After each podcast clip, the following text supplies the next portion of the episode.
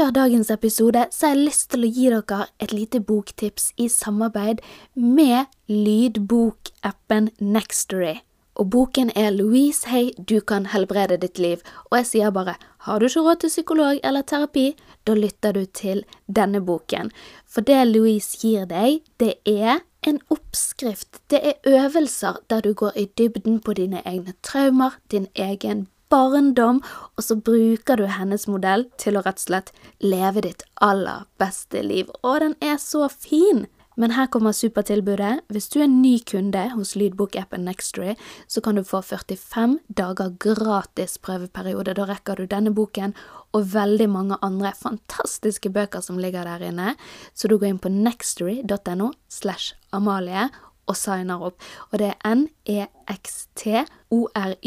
n-e-x-t-o-r-y.no slash Amalie som er mitt navn. Det klarer dere å huske. Og så koser du deg med å lytte til boken.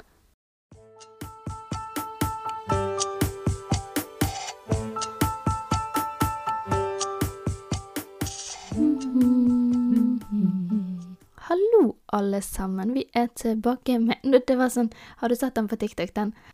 One thing about me is my name was Sedan. Du, du, du. Og så rapper de hele livshistorien sin, eller en eller annen syk historie. Du har ikke sett den, nei? Det var like, jeg følte på å begynne sånn sånn One thing about us is that we have a podcast, and today we're gonna talk about the economy. Men uh, det ble litt for dumt. Nei, Kanskje vi skal prøve å rappe hele podden i dag? Nei, jeg um... Veldig artig. Velkommen tilbake til en ny episode, folkens. Ja, det var sånn det var. Velkommen tilbake til en ny episode. Hvordan uh, går det, Benedicte? Du, det går veldig bra. Det gjør det. Jeg har kommet meg opp. Uh, jeg er på stigende kurve, vil jeg absolutt Mhm. tørre å påstå. Uh, Og så har jeg òg innsett at jeg har ingenting å klage over i livet mitt.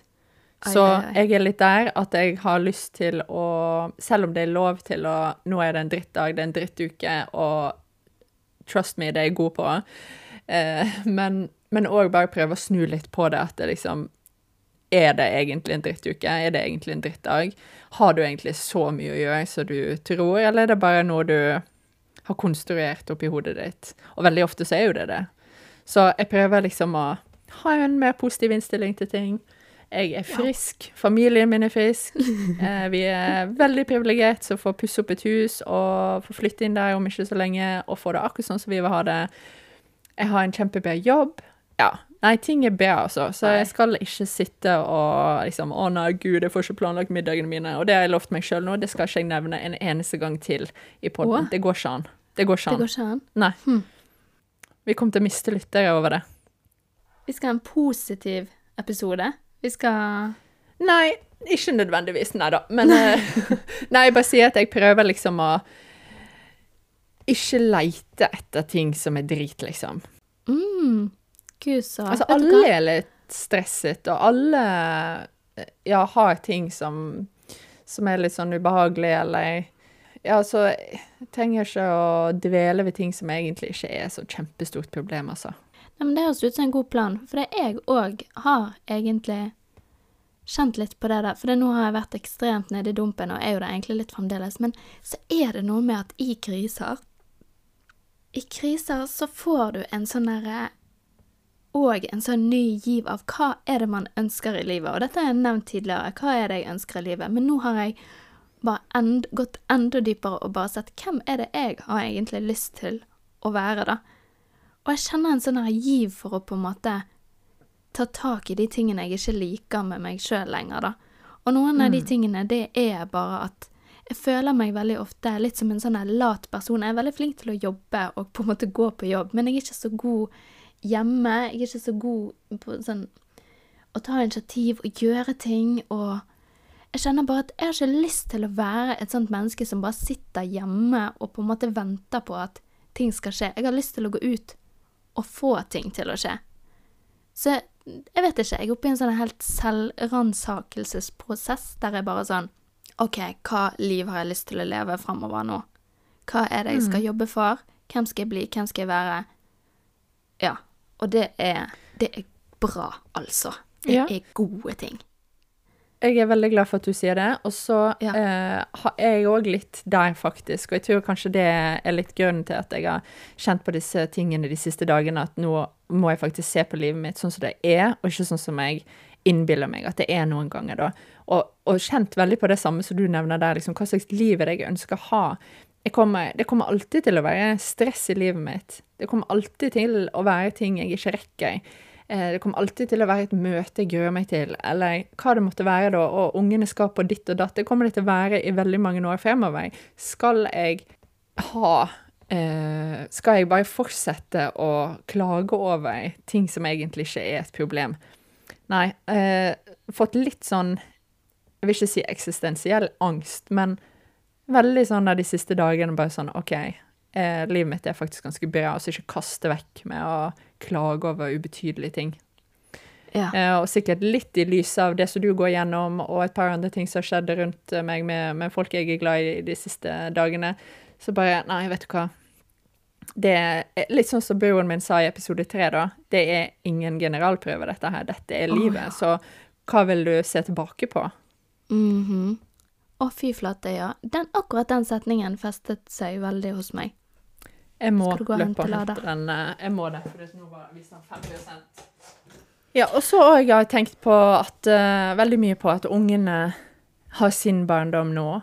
Og det har jeg sikkert nevnt før òg, at jeg har ofte tenkt at uh, barndommen deres varer evig. Eh, Ja.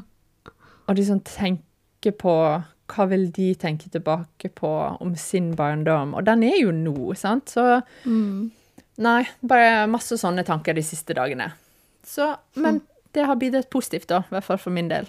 Litt sånn reality check på hvor jeg er hen, og hva jeg har, og ja. Oi, oi, oi. Vi går framover. Og så har jeg tatt litt grep, eller ikke litt, jeg har tatt en god del grep i forhold til økonomien. Ja, og det er jo det vi skal snakke om i dag. Skal vi kjøre rett inn på det? Fordi vi hadde en minifuel der vi rentet litt om økonomi. Vi kom litt inn på det sporet. Eller var det en Minifjord? Ja, det tror jeg det var. Som heter et eller annet 'For kontroll på økonomien' og noe sånt. Og nå tenkte vi å fortsette den praten. Siden vi hadde den episoden, så har jeg òg egentlig tatt noen Jeg vil ikke si grep, men uh, som jeg gjør, som du sa i forrige episode, man bestiller seg noen bøker. Og Rich Dad Poor Dad, den har jeg hatt ganske lenge i hyllen, egentlig, uten å gidde å fortsette på, på den boken, fordi han begynner med en sånn derre eh, barndomshistorie, og da kjente jeg at jeg falt litt av. Gi meg økonomirådene med en gang. Så den har jeg nå fullført. Så har jeg en bok som heter Millionaire Fastlane, som også er veldig spennende. Og etter å være ferdig med den Rich Dad Poor Dad, så må jeg si at jeg kjente meg inspirert til å ja, gjøre et par endringer. Så ja, den har jeg stående i hyllen òg. Først, husker du, jeg sendte deg en snap av at jeg hadde bestilt den på Amazon. Ja. Og så kom den, så var det en sånn miniatyrutgave av den boken. Det var en Den sånn Fem ganger fire centimeter. Ja, ja, ja. Så, men nå har jeg fått bestilt meg den ordentlige boken, da. Ja, ja, ja. ja den Så er jeg gleder meg nå når du sier at den uh, inspirerte deg, så det må leses. Men det som jeg har innsett etter jeg har lest den, det er at alle har en eller annen superkraft, ikke sant? Alle har et eller annet de er knall gode på. Og hvordan blir man god på økonomi? Jo, man blir god ved å trene seg til å bli god på det. Det er trening, trening, trening. Og jeg tenkte på det litt sånn Jeg har jobbet eksempel mange år i Kicks. Hvis noen går forbi meg, så kjenner jeg veldig fort sånn OK, det var en Lacoste-parfyme til 399, eller å ja, det var en Dior til 1399, for eksempel. Det kjenner jeg med en gang. Og det er jo fordi at du har liksom den, den trente nesen, ikke sant? Og så har du noen som har det trente øyet på å gå inn i en eller annen by, gå i gatene, og så se et eller annet bygg, og der det står visningsskilt utenfor, eller hva som helst, og bare tenke 'Å ja, det ligger til sånn og sånn og sånn'. Se her, her har du rom som er sånn og sånn, her kunne jeg gjort det og det og det. Og så kjøper de, og så pusser de opp, og så leier de ut, og så tjener de penger. sant? Alt handler om å på en måte trene seg til å få denne kunnskapen, da. Mm. Og så har jeg liksom, etter jeg leste den boken, så har jeg tenkt OK, hvordan Nå er jeg inspirert. Jeg skal ikke Altså, det kommer til å bli en lang prosess, men men jeg har lyst til å trene meg på å bli god på å se økonomiske muligheter som ligger der. Fordi at jeg føler veldig ofte at folk rundt meg har et eller annet tak. Sant? Eh, Nei, men jeg jobber som eh, lærer, jeg kan bare få maks dette og dette og dette. Jeg jobber som sykepleier, jeg kan få maks dette og dette og dette. Det er så standard å tenke at ok, da er jeg sett. Jeg kan ikke vokse mer, jeg kan ikke gjøre noe mer, jeg skal ikke lære meg noe nytt. Og der har jeg kanskje vært sjøl òg, men jeg har så lyst til å komme meg ut av det. Jeg har så lyst til å komme meg ut og bare OK, nå skal jeg inn i foreldrepermisjon, jeg kommer til å få det samme beløpet hver eneste måned. Hva kan jeg gjøre da? Hva kan jeg lære meg i mellomtiden som kunne vært litt, litt gøy? Som kunne gitt Mm. meg et økonomisk fortrinn, om det var innenfor eiendom, om det er innenfor Ja, eiendom var det eneste jeg kom på. Det var kjempebra. Ja. Gratulerer. Men føler du at du alltid har, du hatt eh, veldig godt grep om privatøkonomien din, så du visste hver krone som kommer inn og som går ut? Eller har du vært sånn som veldig mange andre av oss, der det er vanskelig å åpne nettbanken og forholde seg til pengene som går inn og ut? Ja, jeg tror at um, jeg har vokst opp med mennesker som ikke har hatt økonomisk kontroll, har jeg følt. Så jeg har alltid sagt, fra jeg var veldig, veldig liten, at jeg skal aldri bli som min far, og jeg skal aldri bli som min mor. Og jeg skal i hvert fall aldri bli kunstner og tjene dass, sånn som de har holdt på. Så jeg har alltid hatt en veldig stor motivasjon til å ha en viss form for kontroll. Og det første jeg gjorde når jeg flyttet ut uh, fra min far, da, det var å kjøpe et fond. For det er aldri noen som har spart noe for meg, det er aldri noen som har gitt meg noen form for penger, bortsett fra at når min mor døde, så fikk jeg jo selvfølgelig ehm, Jeg tror kanskje jeg fikk 50 000 kroner, eller noe sånt. I, Eller Hvor gammel var du når du eh, flyttet for deg sjøl og startet å spare i fond? 18-19. 19 var jeg vel da. Og da kjente jeg bare OK, nå er du på egen hånd. Nå er det på tide å ta grep. Så da begynte jeg å spare i fond. Men da var jeg jo for ung. Hadde, da hørte jeg Jeg så en eller annen video, jeg hørte en eller annen podkast. Det var Nei, kanskje ikke podkast. Det litt, var litt for tidlig. Men der er bare sånn OK, man må spare i fond. Så da bare begynte jeg med det. Og det fondet, det har jeg ennå. så jeg, jeg føler vel egentlig at jeg har, har hatt ganske god god kontroll, da, men så er det alltid dette med at har man så god kontroll som man tror, egentlig? Ja, det er akkurat det. Og um, akkurat nå så greit jeg, jeg tracker hva som går ut, og prøver å være god på det, og prøver å finne alle de skjulte tingene, men nå er jeg òg, som jeg tror kanskje jeg har nevnt for deg før, eller jeg er litt usikker, men jeg har en app på telefonen min som der jeg trekker alt som kommer inn òg, men òg i form av verdi, da. Eh, For eksempel, og det handler jo om det litt spirituelle, den spirituelle siden av penger, dette med å være takknemlig for det man får, da. Så for eksempel hvis jeg går og kjøper et eller annet, og så får jeg 50% fordi jeg kjenner hun som selger det til meg, eller altså bare et eksempel, så skriver jeg det inn som en verdi. Så Mm. hele den appen, den tracker på en måte value, og så tracker han money.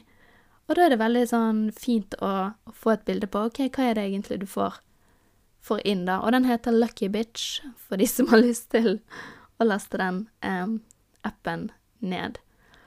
Ja. Men, eh, Ja. men du, da? For det, du er jo egentlig Jeg har alltid følt at du har på en måte Kan godt hende jeg tar feil, men at du liksom Du har liksom vokst opp i sånne Hva skal jeg si Sånn standard hjem med standard økonomi, hvis du skjønner, eller liksom Ja, veldig annerledes enn Mm. en meg sjøl, føler jeg.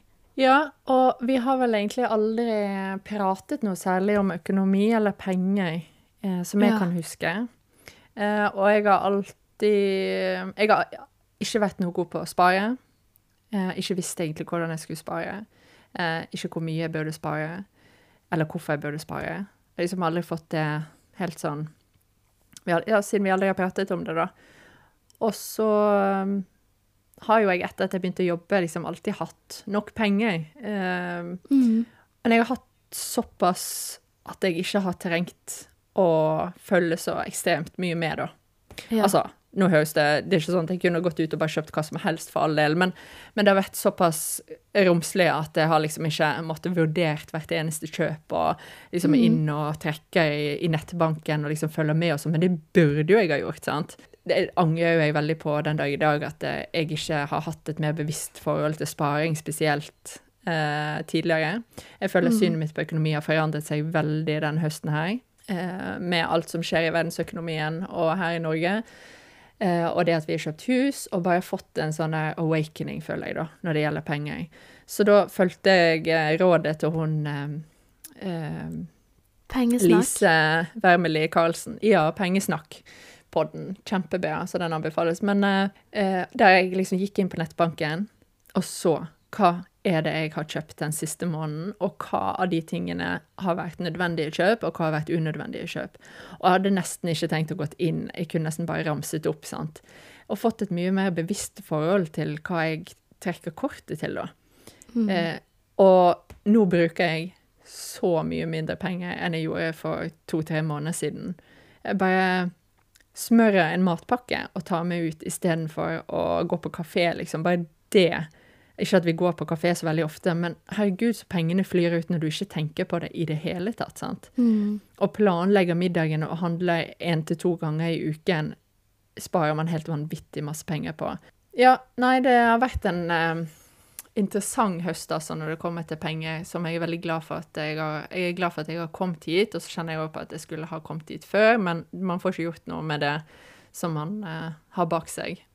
Men òg dette her med å Jeg har alltid vært egentlig ganske flink til å kjøpe ting brukt. Eh, det har jeg gjort eh, siden vi var student og hadde Levi. Eh, da har jo man ikke noe spesielt romslig økonomi i det hele tatt. Og så bodde vi i Oslo, så det var ekstremt lett å få solgt ting og få kjøpt ting på Finn liksom, i løpet ja. av en halvtime. Så jeg husker at jeg eh, sorterte klær, uh, tok ut det som var for lite, og så hadde jeg en, en pakke med Det var så vanvittig masse klær, uteklær og sko og alt og jeg la det ut på Finn, og i løpet av ja, 45 minutter eller noe sånt, så hadde jeg tjent 2000 kroner. Oi. Det er liksom, Folk bare plukker opp med en gang, så kommer de og henter det, og, og, og vært flink til å kjøpe ting brukt, egentlig. Og så har det kanskje dabbet litt av, da. Uh, at man glemmer det, liksom. Jeg kom litt ut av den uh, flowen. Men den jeg kom til igjen i nå, da, så liksom Det er så masse fint man får kjøpt brukt, og spesielt til unge. Sant? De bruker ting så utrolig kort. Det er virkelig ingen grunn til å kjøpe nye, dyre ting til unge når de bruker det i fire sekunder, så er det for lite. Mm. Ja, det er et godt poeng. Og jeg merker at når du, på, når du prater om de, de, små tingene i økonomi, så kjenner jeg at det er en ting som er vanskelig for meg å gå så detalj i økonomi. Fordi jeg av en eller annen grunn så har jeg Tenker jeg alltid på et sånt større bilde, da. Så det er akkurat som jeg ikke klarer å justere meg i den der Den små eh, hverdagen. Og det, det er kanskje Eller jeg føler at når det snakkes om økonomi, for eksempel pengesnakk-damen eller andre um, sånne type ting, så snakkes det alltid om de bitte, bitte små tingene man kan gjøre i hverdagen for å spare penger. Og så kjenner jeg at jeg er ikke på Jeg er ikke der mentalt. Fordi at jeg sitter med liksom så Jeg sitter med så, så store tanker om, om, økonomi, på en måte. Eller kanskje store drømmer og store eh, forhåpninger om at jeg ikke skal måtte tenke på de små tingene, da. Og, da, og da er det veldig mm. vanskelig å komme seg ut av det, selv om jeg kommer alltid til å tenke på de små tingene fordi jeg egentlig generelt bruker egentlig ganske lite penger, eh, faktisk. Sikkert fordi jeg ikke, som du sier, bor i Oslo lenger. Når jeg bodde i Oslo, så gikk jeg på jobb på Kubusen, og så gikk jeg gjennom byen, og så gikk jeg innom alle butikkene på veien hjem, og så kjøpte jeg meg noe og så kom jeg hjem. Og da, jeg kjøpte altså en ny ting nesten hver eneste dag. Og jeg husker at når jeg flyttet derfra, så kastet jeg fire poser med jakker. Ja. eller kanskje jeg ga de vekk, eller la de i en eller annen container, håper jeg. Men det var liksom OK, her har du fire poser med jakker som du bare har opparbeidet deg, da. Ja, altså jeg har jo òg en ambisjon om å kunne tenke større på økonomi med tiden. Eh, men jeg følte at jeg trengte å begynne i det små da. Jeg trenger Ja. å ta kontroll på min egen økonomi, eh, det som sirkulerer penger i vår lille krets, først, før jeg kan liksom utvide eh, utover Ja, ja, det, da. Og Og misforstå meg rett, det må jeg òg. ja, og jeg tror det er veldig mange som har vondt for å ta tak i økonomien sin. Ikke nødvendigvis Mm. fordi at de har dårlig økonomi, men det er noe man ikke snakker så veldig mye om med venner eller familie, eller seg sjøl òg ofte. sant? At det blir en sånn ja, ja, ja, nei, men uh, nettbanken den logger man seg inn hvis man skal betale en regning, men ellers så holder man seg langt unna, liksom. Og du, Mm. det er ubehagelig, men det er altså så befriende å åpne nettbanken og føle at du har kontroll. Du er ikke redd for hva som møter deg der. Sant? Og bare kjenne at du har mer ja, kontroll, da.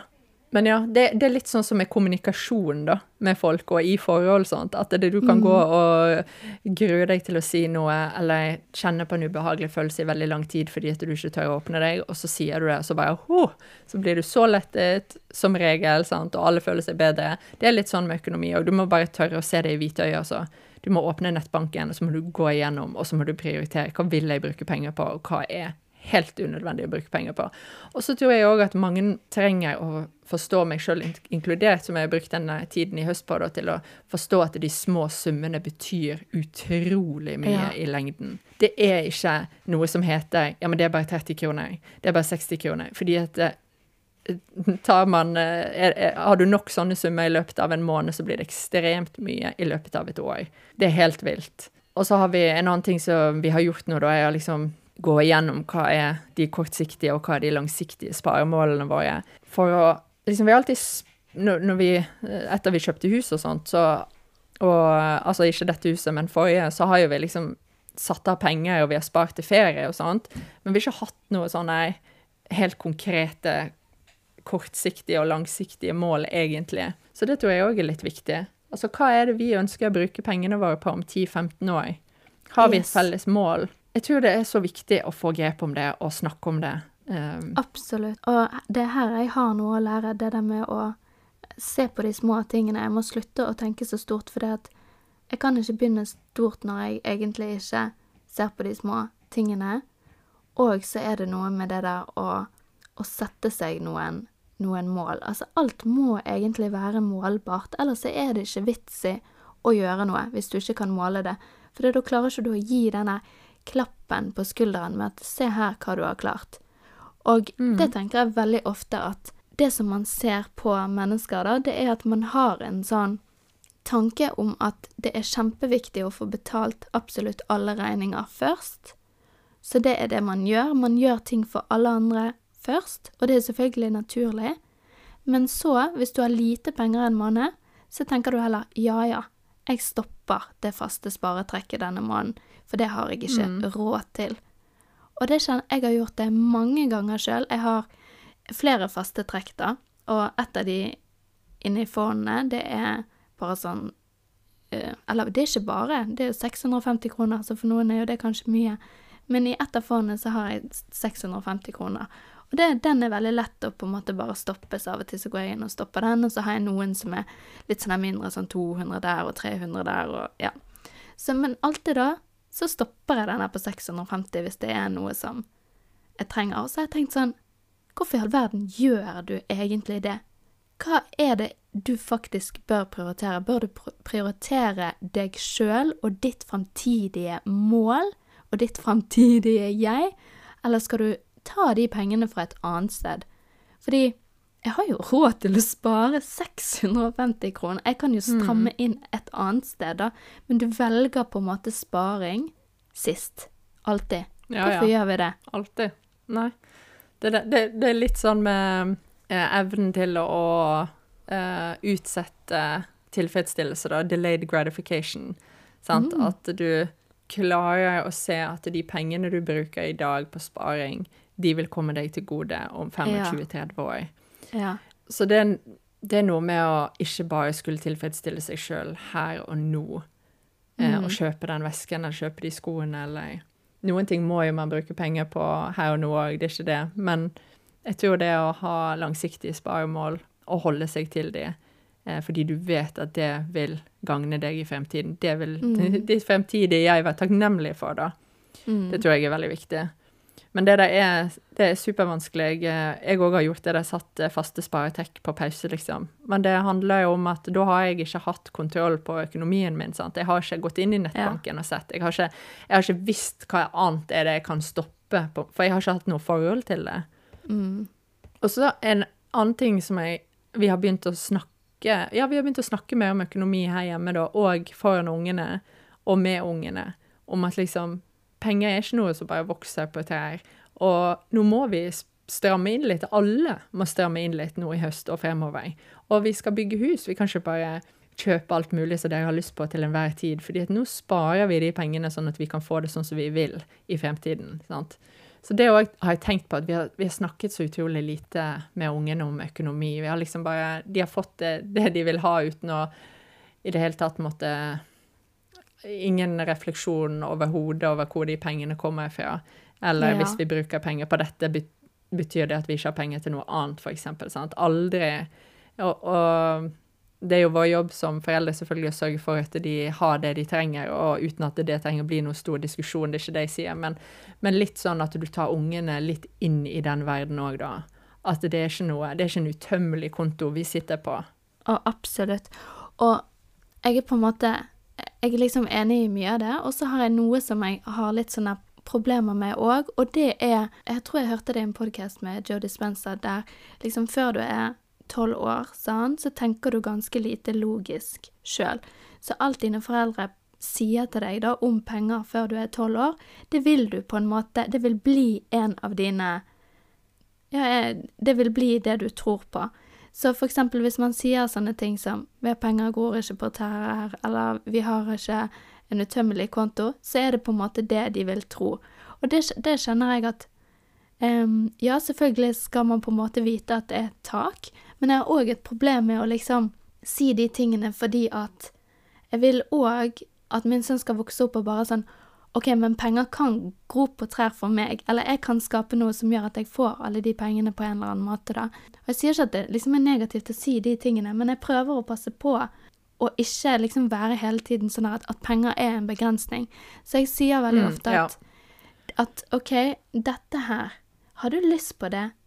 OK, spennende. Så sier jeg ikke 'det har ikke vi penger til', eller 'det kan vi ikke gjøre', men så sier jeg 'hvordan kan vi få råd til det'? Hva kan vi gjøre for å skaffe oss de pengene? Så meg og Nikolai, altså gutten er fire år, så det er jo selvfølgelig ikke han, han har jo ikke noe begrep, da.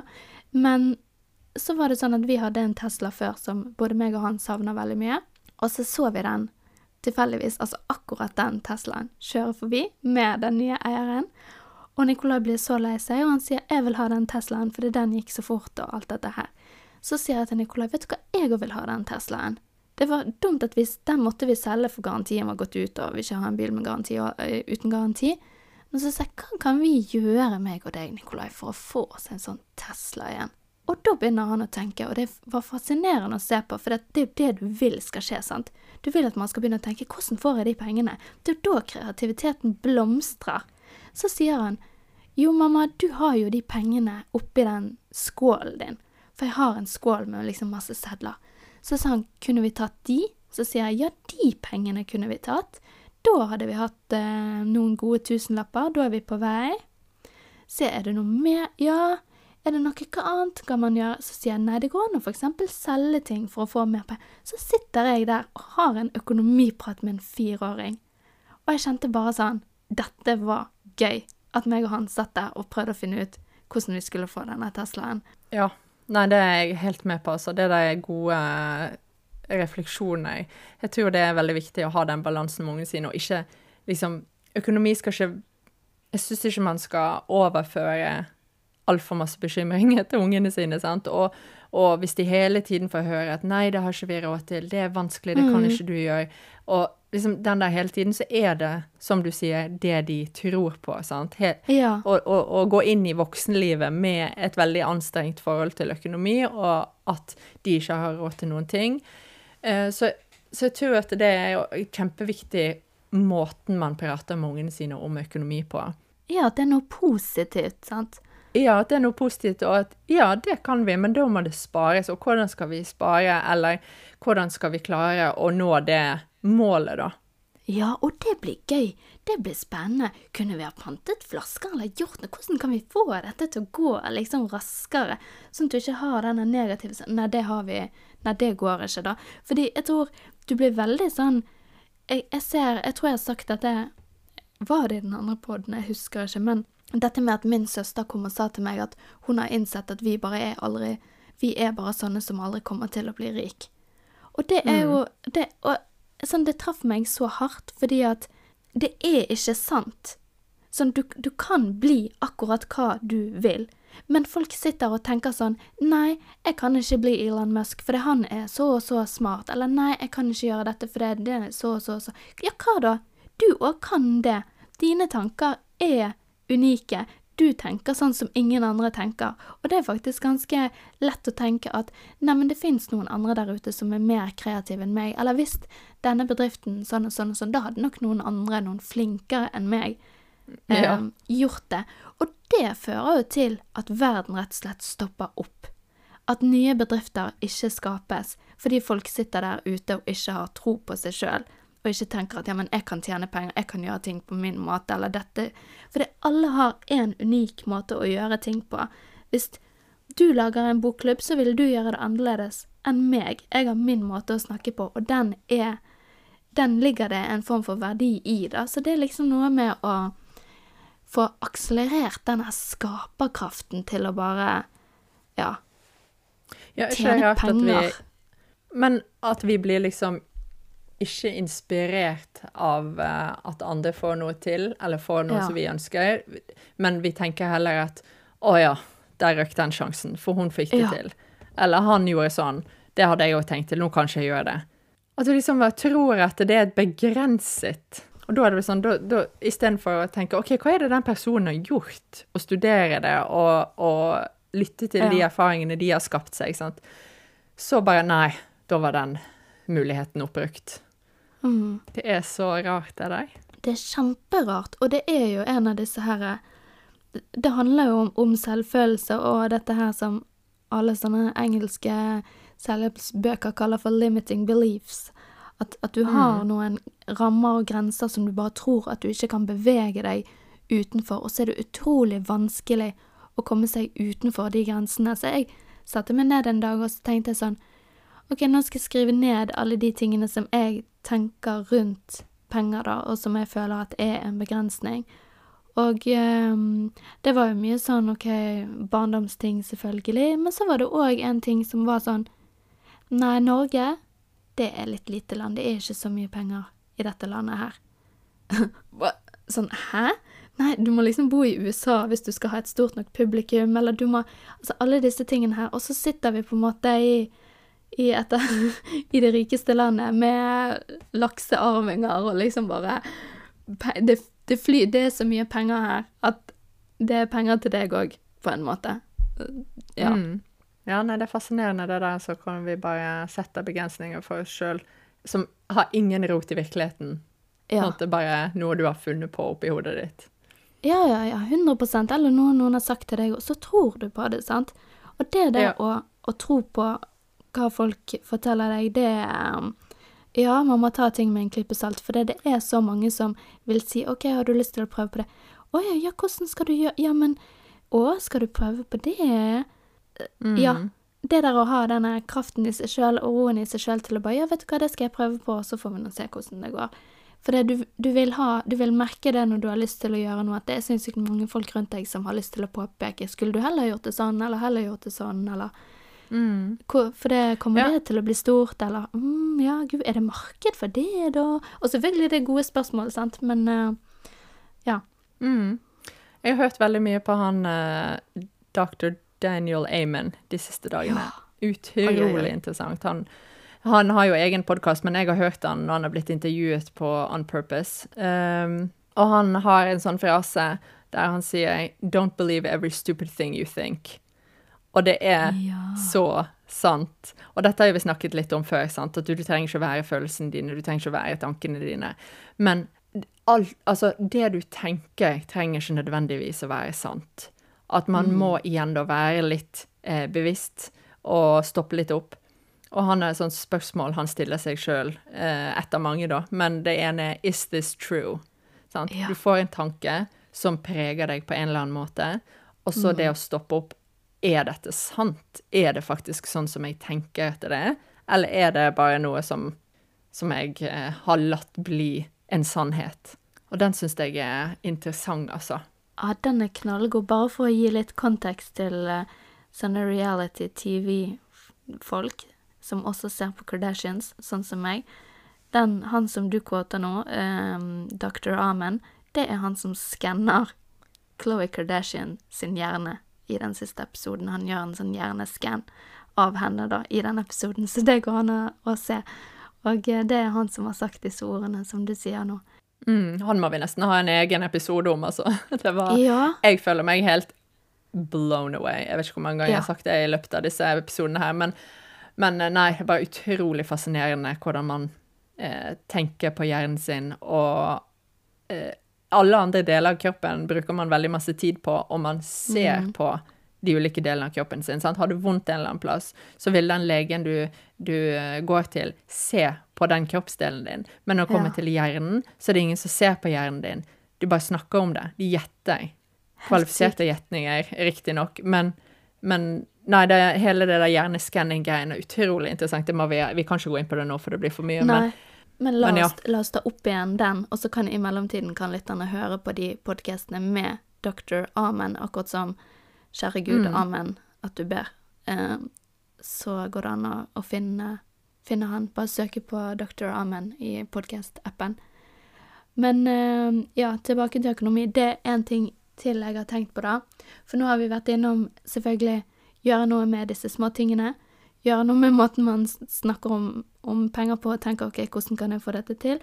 Og så er det siste som jeg har lest om i denne her Rich Dad Poor Dad-boken, som jeg fikk en liten sånn aha-opplevelse eh, rundt, det er dette her med hvordan vi kjøper oss mer styr og mer eh, det som han sier. Han sier sånn eh, Poor people, eller liksom, ja.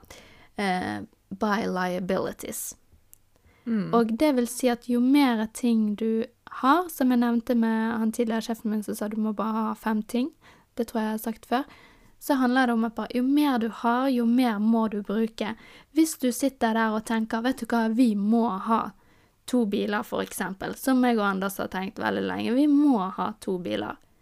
Men da har du kjøpt deg egentlig et problem, sant? Du har kjøpt deg en ekstra bil, selvfølgelig kanskje du må ha den bilen, men så har du kjøpt deg en bil som skal fylle bensin på, det skal kjøpes forsikring på, det kommer til å være et tap på den, og så tenker du, åh, men jeg må jo ha en båt, det hadde vært så koselig, og så kjøper du en båt, og så må du gjøre det, det, det, det, og så styrer du veldig med å få et fint og flott hus, og så når det huset er blitt så fint og flott, så tenker du, vet du hva, det bør jo bygges på, for da blir det enda bedre. Og så havner du inn i en sånn spiral der alt egentlig handler om at ting koster penger, da. Ja, ja. 100% Og det å prøve liksom å leve et litt enklere liv med å ha det du trenger, men ikke så fryktelig mange uh, liabilities, da, så du sier jeg som jeg ikke kommer på et godt nok uh, norsk ord for. Ikke jeg heller. Det er noe med det at um, Hva kan man gjøre for å få mindre av de forpliktelsene, egentlig, da? Går det an istedenfor å kjøpe seg den nye bilen eller pusse opp det huset, går det an å investere de pengene i eksempel ja, noe som kan gi deg noe igjen, da. Jeg har tenkt veldig mye på dette med eh, Airbnb og den type ting. At vi har jo Tomten vår, den er to og et halvt mål.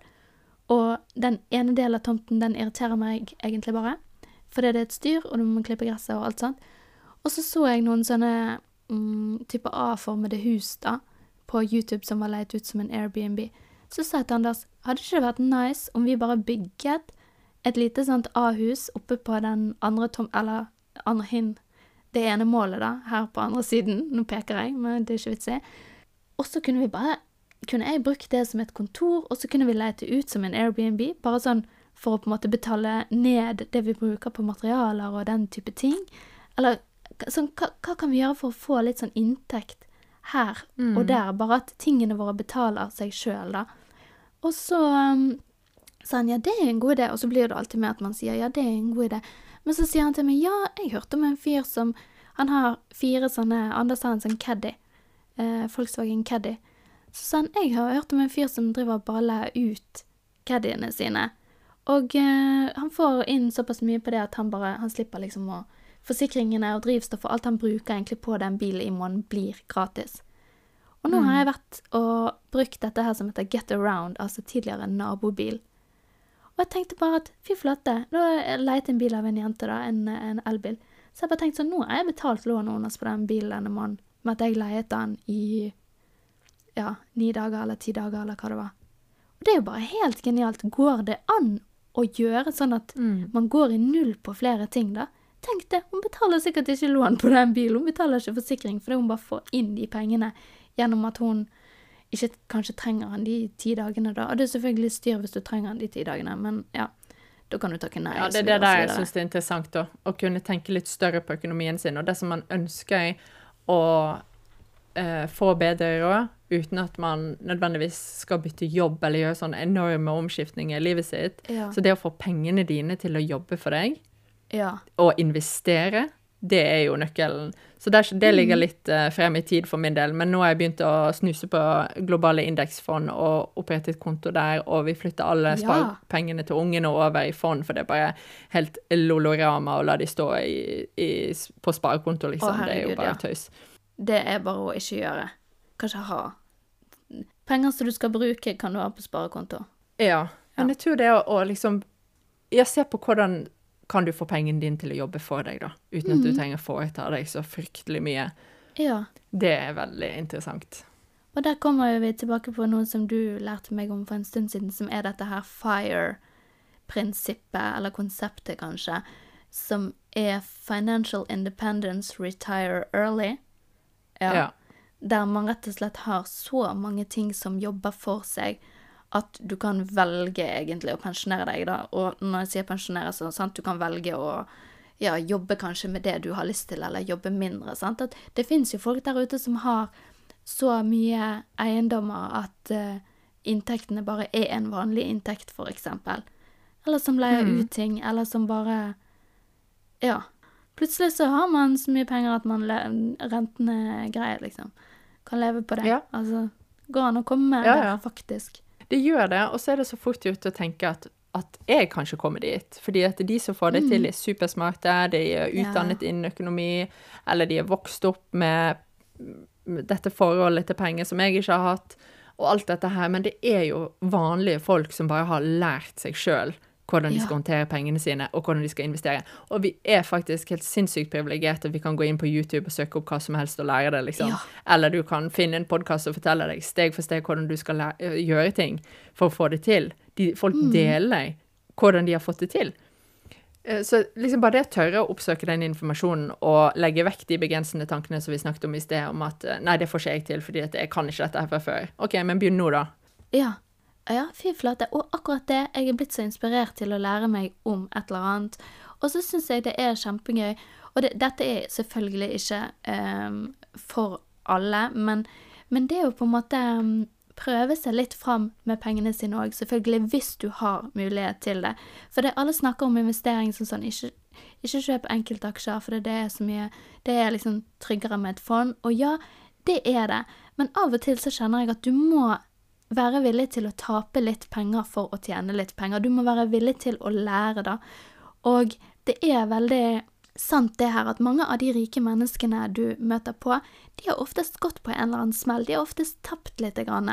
Mens vi vanlige folk sitter her og er bare så utrolig redd for å tape penger. Vi er så redd for å satse på noe. Vi er så bekymret hele tiden. Og jeg har gått inn med bare litt penger i enkeltaksjer og mm, type sånne ting, og visst at nå kommer jeg til å bomme totalt, og det vet jeg kanskje jeg gjør, kanskje det bare her er helt tull, men jeg vil lære av det, jeg har lyst til å eksperimentere litt, og jeg synes det er veldig gøy å sjekke ut liksom forskjellige plattformer der man kan, ja, man kan prøve seg litt frem da, og nå skal jeg nevne noen, bare sånn, hvis noen har lyst til å ha det gøy med det, men du har eksempel Folkeinvest og Dealflow, der du kan sitte og kikke på startuper, eksempel. Og du kan trene deg på å se ok, hva tror jeg vil lykkes i framtiden. Hva tror jeg, Det er jo veldig høy risikoaksjer, sant? men potensielt veldig høy gevinst. Og da kan du sitte og lese gjennom, og sitt nå og les på de der fuckings papirene. Det ligger lange oppgaver der inne, men da kan du kanskje til slutt få et trent øye, og som jeg sa i begynnelsen, finne din superkraft. Og så er det noe som heter Cameo, som for eksempel er, det er noen sånne eiendomsgreier. Og bare gå inn på sånne sider og lese seg opp. Det er kjempegøy. Mm. Og eh, det var Kamio, tror jeg jeg fant, fordi det er en sånn fyr på YouTube. Han er her fra Bergen. Han er sikkert på min alder, eller sikkert litt yngre. Men han heter Andreas Rolland, faktisk, som jeg oppdaget bare helt tilfeldig. Og han driver med sånn husflipping på YouTube. Og det er jo bare Ja. Det er underholdning. Det er jo kjempegøy å sitte der og se på hvordan han driver og flipper hus. Så det er jo som du, Benedicte, har sagt så mange ganger, det er gratis å oppsøke informasjon. Det er gratis å sitte og google litt og lese litt, og så kan du få et trent øye til slutt, du òg. Ja, ja. 100% Ja. Du må bare, du må bare tørre å, å åpne deg for det, da. Du må faktisk lese litt. Du må høre litt. Hva er det andre folk har gjort? Hva er det jeg kan starte med? Og det er jo òg fort gjort med økonomi at det blir så overveldende. Det er så voldsomt. Det er så langt frem i tid til jeg kan alle disse tingene her. Men alle har jo startet der. Det er ingen som er født med helt rå økonomisk sans.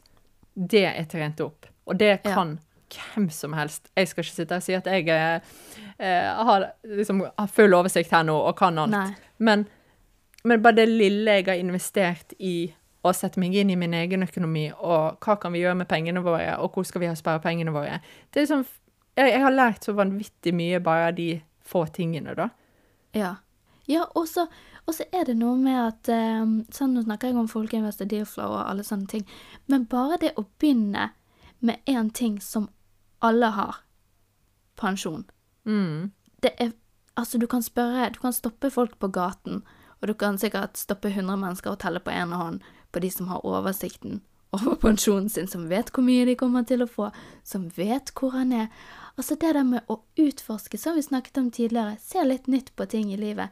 Ok, hva er det Vet jeg egentlig om min egen pensjon? Hvor er det best i test å ha Eller hva, hva, hva er egentlig pensjon? Herregud, er det Er det aksjer? Er det bare penger? Er det en spar... Hva, hva er det? Det der å liksom bli litt nysgjerrig på den, de type tingene der. For det, det var egentlig sånn jeg begynte. Det begynte med at noen slang en lang kommentar om pensjon, og så bare tenkte jeg jøss, kan jeg skru opp aksjeandel på det? Og så gikk jeg inn og gjorde det, og så plutselig så Gud, her! Jøss, min pensjon er Nordea. Altså, sant, start der. Start med de små tingene, og vær litt nysgjerrig, og tenk nå skal jeg ha det gøy. Nå skal Ja, ja. jeg kose meg. Nå skal det være lysbetont å komme inn i nettbanken. Og mine kontoer de har sånne søte navn, for eksempel. Jeg har veldig sånne hyggelige navn på kontoene. Sånn hjerter og Ja, veldig sånn her ma, eh, Ja. Jeg tør ikke si navnene, for de er så kleine. Men, men det er litt sånn her ha-ha. Det er litt lol som kommer inn på nettbanken, faktisk. Mm. Mm.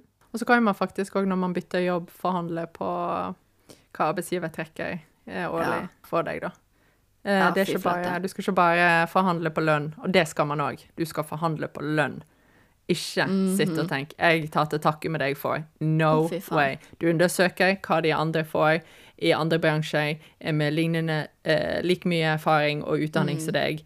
Eh, Og du, du leser deg opp på det, og så forhandler du på lønn, og nå snakker jeg til kvinner. Ja. For veldig mange kvinner kvier seg på det, men det skal du faktisk ikke. Det skal du Ja, faktisk ikke. det, det, du skal gå i forhandling om lønn. Mm. Og så en annen ting er jo at du kan ja, Kanskje ikke i det offentlige at det er like lett, men uh, du kan faktisk i hvert fall forsøke deg på en forhandling om eh, pensjonstrekk, da. Hva er det de tilbyr? Å, 100 100 Kanskje vil man heller ha 1% mer eh, pensjonstrekk enn en høyere lønn. Ja. Hvis du er en av de som sitter der og bare Hva har jeg pensjons... Og så ser du Å, gud, jeg har 2 Fy faen. 2% -mm. og vann på deg når du er gammel. Jeg bare sier det. Bare for å gi deg et lite hint. knekkebrød Ja, ja. og vann på 2 Men apropos eh, pensjon, så hørte jeg et eller annet interessant i, i en podkast som jeg ikke husker nå, da, for det er lenge siden jeg hørte dette her, men der hadde de kjørt et eksperiment der de hadde vist folk De hadde intervjuet folk da om hva de sparte, hvordan de sparte til pensjon, og hvor mye de sparte, og hva liksom, i det hele tatt hva de tenkte om det å bli eldre og pensjon, og hvor gode råd de kom til å få.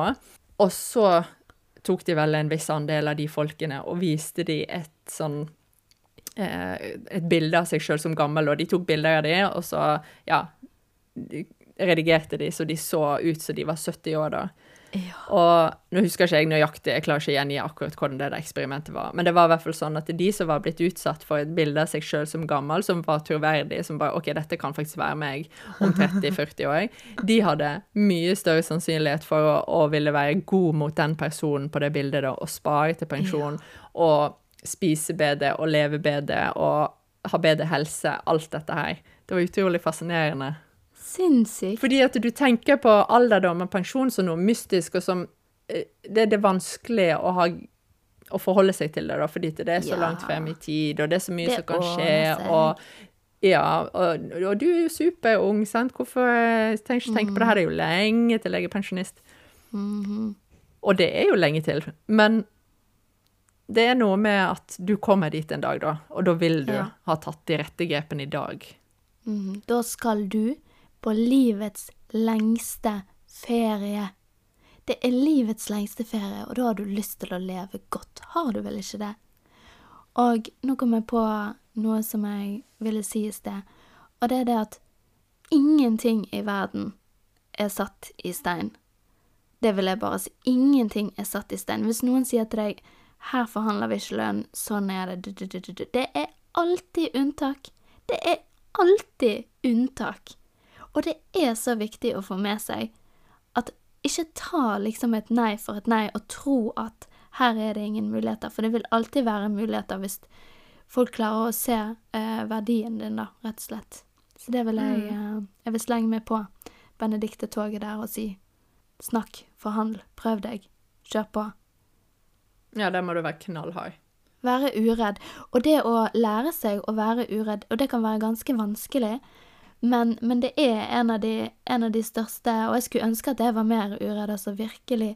Men det er noe sinnssykt viktig med det, og det, vi snakket litt om det når du sa at uh, du hadde jobbet som telefonselger, sant, og hvor du bare følte deg så ute av deg sjøl. Men det er noe med det at når du først lærer å på en måte ta opp telefonen og be om ting, eller det der å selge seg litt inn, så er det noe med at det har en enorm eh, kraft, av det å på en måte kunne forhandling, kommunikasjon og salg. Det er helt sinnssykt viktig, for hvis du har lyst til å tjene penger i livet, så hva er det ting egentlig handler om? Det er jo salg. Alt handler om salg. Det er noe som skal selges. Det er sånn penger på en måte, hva skal jeg si, flytter på seg i vårt daglige liv. Da. I hverdagen så er det sånn penger flytter på seg, via salg. Ja, ja, og når det kommer til lønn, så er jo det Altså, er man eh, Du kan ikke bare be om hva som helst uh, ubegrunnet, men det må jo være Du må jo gjøre litt research, du må ha gode argumenter, og så lenge du har det, så er jo ikke det vanskelig å gå i forhandling. Hvis du finner din verdi, og den ikke matcher det de eh, eh, har tilbudt deg, så er det ikke noe problem. Du har argumentene, du har grunner for hvorfor du skal ha høyere lønn. Det Så det må jo man gjøre, selvfølgelig. Det er jo Ja, det er jo et salg. Du skal, du skal selge deg sjøl og din kunnskap, sant. Så nei, spennende greier. Dagens lille oppfordring der. Kanskje noen kommer til oss og sier ja, OK, jeg skal ta den praten. Da blir jeg glad. Jeg skal ta den praten. Jeg skal spørre, jeg Mm. skal tørre. Jeg skal sjekke opp i pensjonen. Ja, ja. OK, men det var en god økonomiprat, syns jeg, Amalie.